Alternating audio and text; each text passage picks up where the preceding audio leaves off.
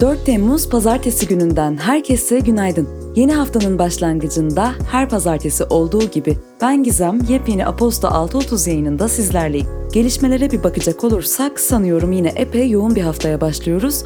O yüzden hafta sonunuzda biraz olsun soluklanabildiğinizi umuyorum ve şimdiden hepimiz için harika bir hafta olmasını diliyorum.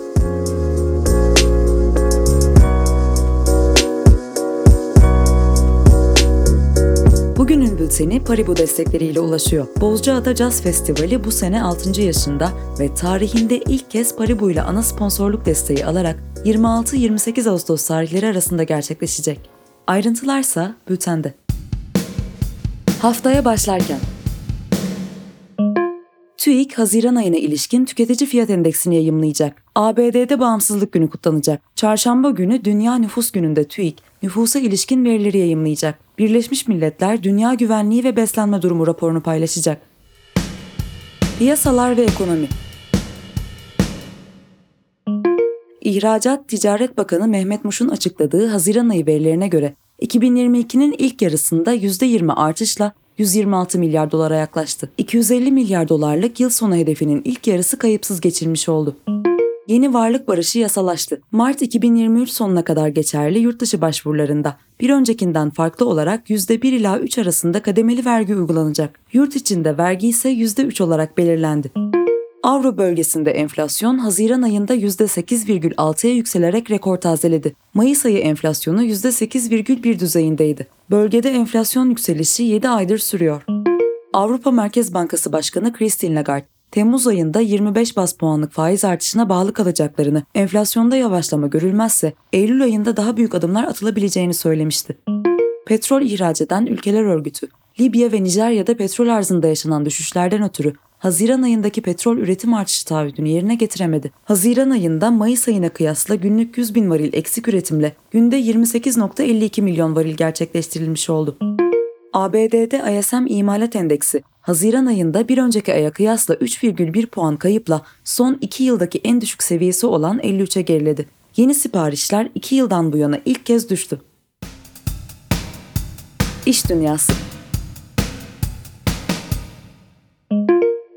Ford Otosan'la Ford Avrupa arasındaki anlaşmanın tamamlanmasıyla Romanya'daki fabrikanın Ford Otosan'ın üretim ağına dahil olacağı açıklandı. 490 milyon avro yatırım yapılan ve elektrikli araçların da üretileceği fabrikada üretim kapasitesi yıllık 272 bin adede yükselecek. Nestle, Nestle Health Science bünyesinde şirketin enteral beslenme ürünlerinin %63'ünü üretecek fabrikayı 433 milyon lira yatırımla Bursa'da hizmete aldı.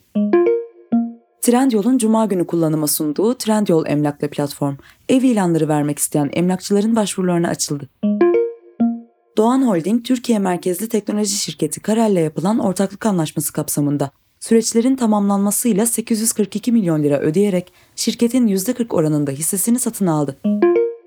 Tesla bir önceki çeyrekte 310 bine kıyasla %17,9 düşüşle Nisan ve Haziran ayında 254.695 araç teslimatı gerçekleştirdi. Bugüne kadar yaklaşık 2 yıldır her çeyrekte rekor teslimat oranları açıklayan şirket için tedarik zinciri sorunlarının sürdüğü ifade edildi. Google, geliştiriciler tarafından Play Store'da satın alma işlemleri için %30 haksız ücret talep ettiği suçlamasıyla açılan davanın sonuçlanmasıyla 90 milyon dolar tazminat ödeyeceğini açıkladı. The New York Times'ın haberine göre Meta'nın CEO'su Mark Zuckerberg, çalışanlarına işe alım hedeflerini 10 binden 6 ila 7 bine düşüreceklerini, bazı birimlerde işe alımın tamamen durdurulacağını ancak bazılarında çalışan sayısının artacağını söyledi. Politika Boğaziçi Üniversitesi Rektörlüğü tarafından mezun olacak öğrencilere atılan e-postada 5 Temmuz'da düzenlenecek mezuniyet törenine ilişkin izinsiz eylemlere katılan mezunların mezun kartları iptal edilecek, kampüslere girişleri engellenecektir ifadeleri kullanıldı. İstanbul'un Ümraniye ilçesinde Çevre ve Şehircilik Bakanlığı'nın inşaatını hukuka uygun olmadığı gerekçesiyle iptal eden ve 150 milyon lira ceza veren İstanbul Büyükşehir Belediyesi'ne Bakan Murat Kurum'un tepki göstermesi üzerine İBB'den açıklama yapıldı. Yapılan açıklamada hukuk devletinin gereğini yerine getirenleri anlamak ve takdir etmekten uzak bu anlayışı hatırlatmak isteriz ki bir kural varsa herkesi bağlar ifadelerine yer verildi. Suriye Devlet Başkanı Beşar Esad, İran Dışişleri Bakanı Abdullahiyan'la bir araya geldi. İran Dışişleri Bakanlığı'nın açıklamasında Esad'ın İran İslam Cumhuriyeti bölgedeki siyasi çözümün bir parçası olduğu için mutluyuz dediği bildirildi. Rusya Savunma Bakanı Sergey Shoigu, Rusya ordusunun Ukrayna'nın Luhansk bölgesindeki Lysychansk kentiyle Belogorivka, Novodruzesk, Maloryantseve ve Belayagora yerleşim birimleri üzerinde tam kontrol sağladığını aktardı. Rusya, ülkenin Ukrayna sınırındaki Belgorod kentinin Ukrayna ordusu tarafından vurulduğunu iddia etti. ABD'nin Ukrayna'ya iki adet karadan havaya füze sistemi göndereceği açıklandı. Libya Başbakanı Abdülhamit Dibeybe, ülke genelindeki eylemlere ilişkin, ülkenin tamamında yapılan gösterileri destekliyorum. Hükümet başta olmak üzere ülkedeki bütün oluşumların gitmesi gerekiyor açıklamasında bulundu. Ürdün Dışişleri Bakanı, Orta Doğu'da NATO benzeri bir askeri ittifakın kurulmasına ilişkin yaptığı açıklamada, İsrail'in böylesi bir ittifaka dahil olmayacağını ifade etti. Özbekistan'ın Karakalpakistan Özerk Cumhuriyeti'nde protestolar sebebiyle Cumhurbaşkanı Şevket Mirziyoyev tarafından 2 Ağustos'a kadar OHAL ilan edildi. Danimarka'nın başkenti Kopenhag'da bir AVM'de düzenlenen silahlı saldırıda çok sayıda ölü ve yaralı olduğu bildirildi. Saldırının ardından bir kişinin gözaltına alındığı ve terör saldırısı ihtimalinin dışlanmadığı aktarıldı. İsrail'in başkenti Tel Aviv'de yüzlerce kişi ülkedeki hayat pahalılığını protesto etti. Protestocular artan enerji ve konut fiyatlarından şikayetçi olduklarını dile getirdi. Teknoloji ve Startup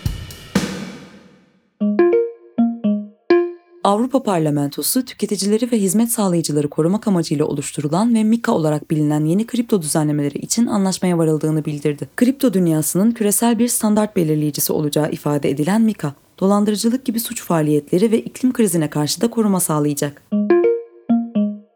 Google, kürtaj kliniklerine, aile içi şiddet barınaklarına, kilo verme kliniklerine ve diğer potansiyel olarak hassas konumlara yapılan ziyaretlerin kullanıcıların konum geçmişlerinden otomatik olarak silineceğini bildirdi.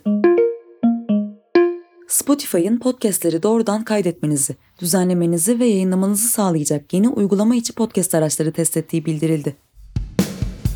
Spor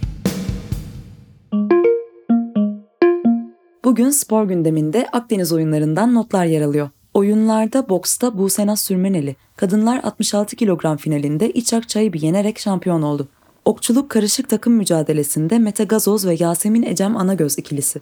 Finalde İtalya'yı mağlup ederek altın madalyanın sahibi oldu. Merve Tüncel yüzmede kadınlar 800 metre serbest stilde altın madalya kazandı ve oyunlar tarihinde Türkiye'den şampiyonluğa ulaşan ilk kadın yüzücü oldu. Erkekler sırıkla atlama finalinde Ersu Şaşma, 5.75 metre atlayışıyla altın madalya kazandı. A Milli Kadın Voleybol takımı Milletler Ligi'nde 3. haftanın son maçında ABD'ye 3-2 mağlup oldu. Milli takım 3. haftayı 2 galibiyet, 2 mağlubiyetle tamamladı. A Milli Erkek Basketbol takımı FIBA 2023 Dünya Kupası elemeleri B grubu maçında Büyük Britanya'yı 85-71 mağlup etti. Formula 1 Britanya Grand Prix'sinde kazanan Ferrari'den Carlos Sainz oldu. Günün hikayesi.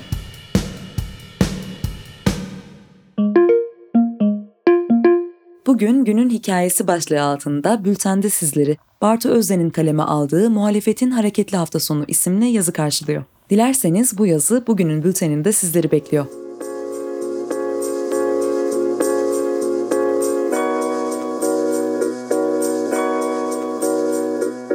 4 Temmuz Pazartesi gününde Aposto 6.30 yayınında ben Gizem sizlerleydim ve bugünlük de benim için veda vakti. Hepinize sağlıklı ve mutlu günler diliyorum. Hoşçakalın.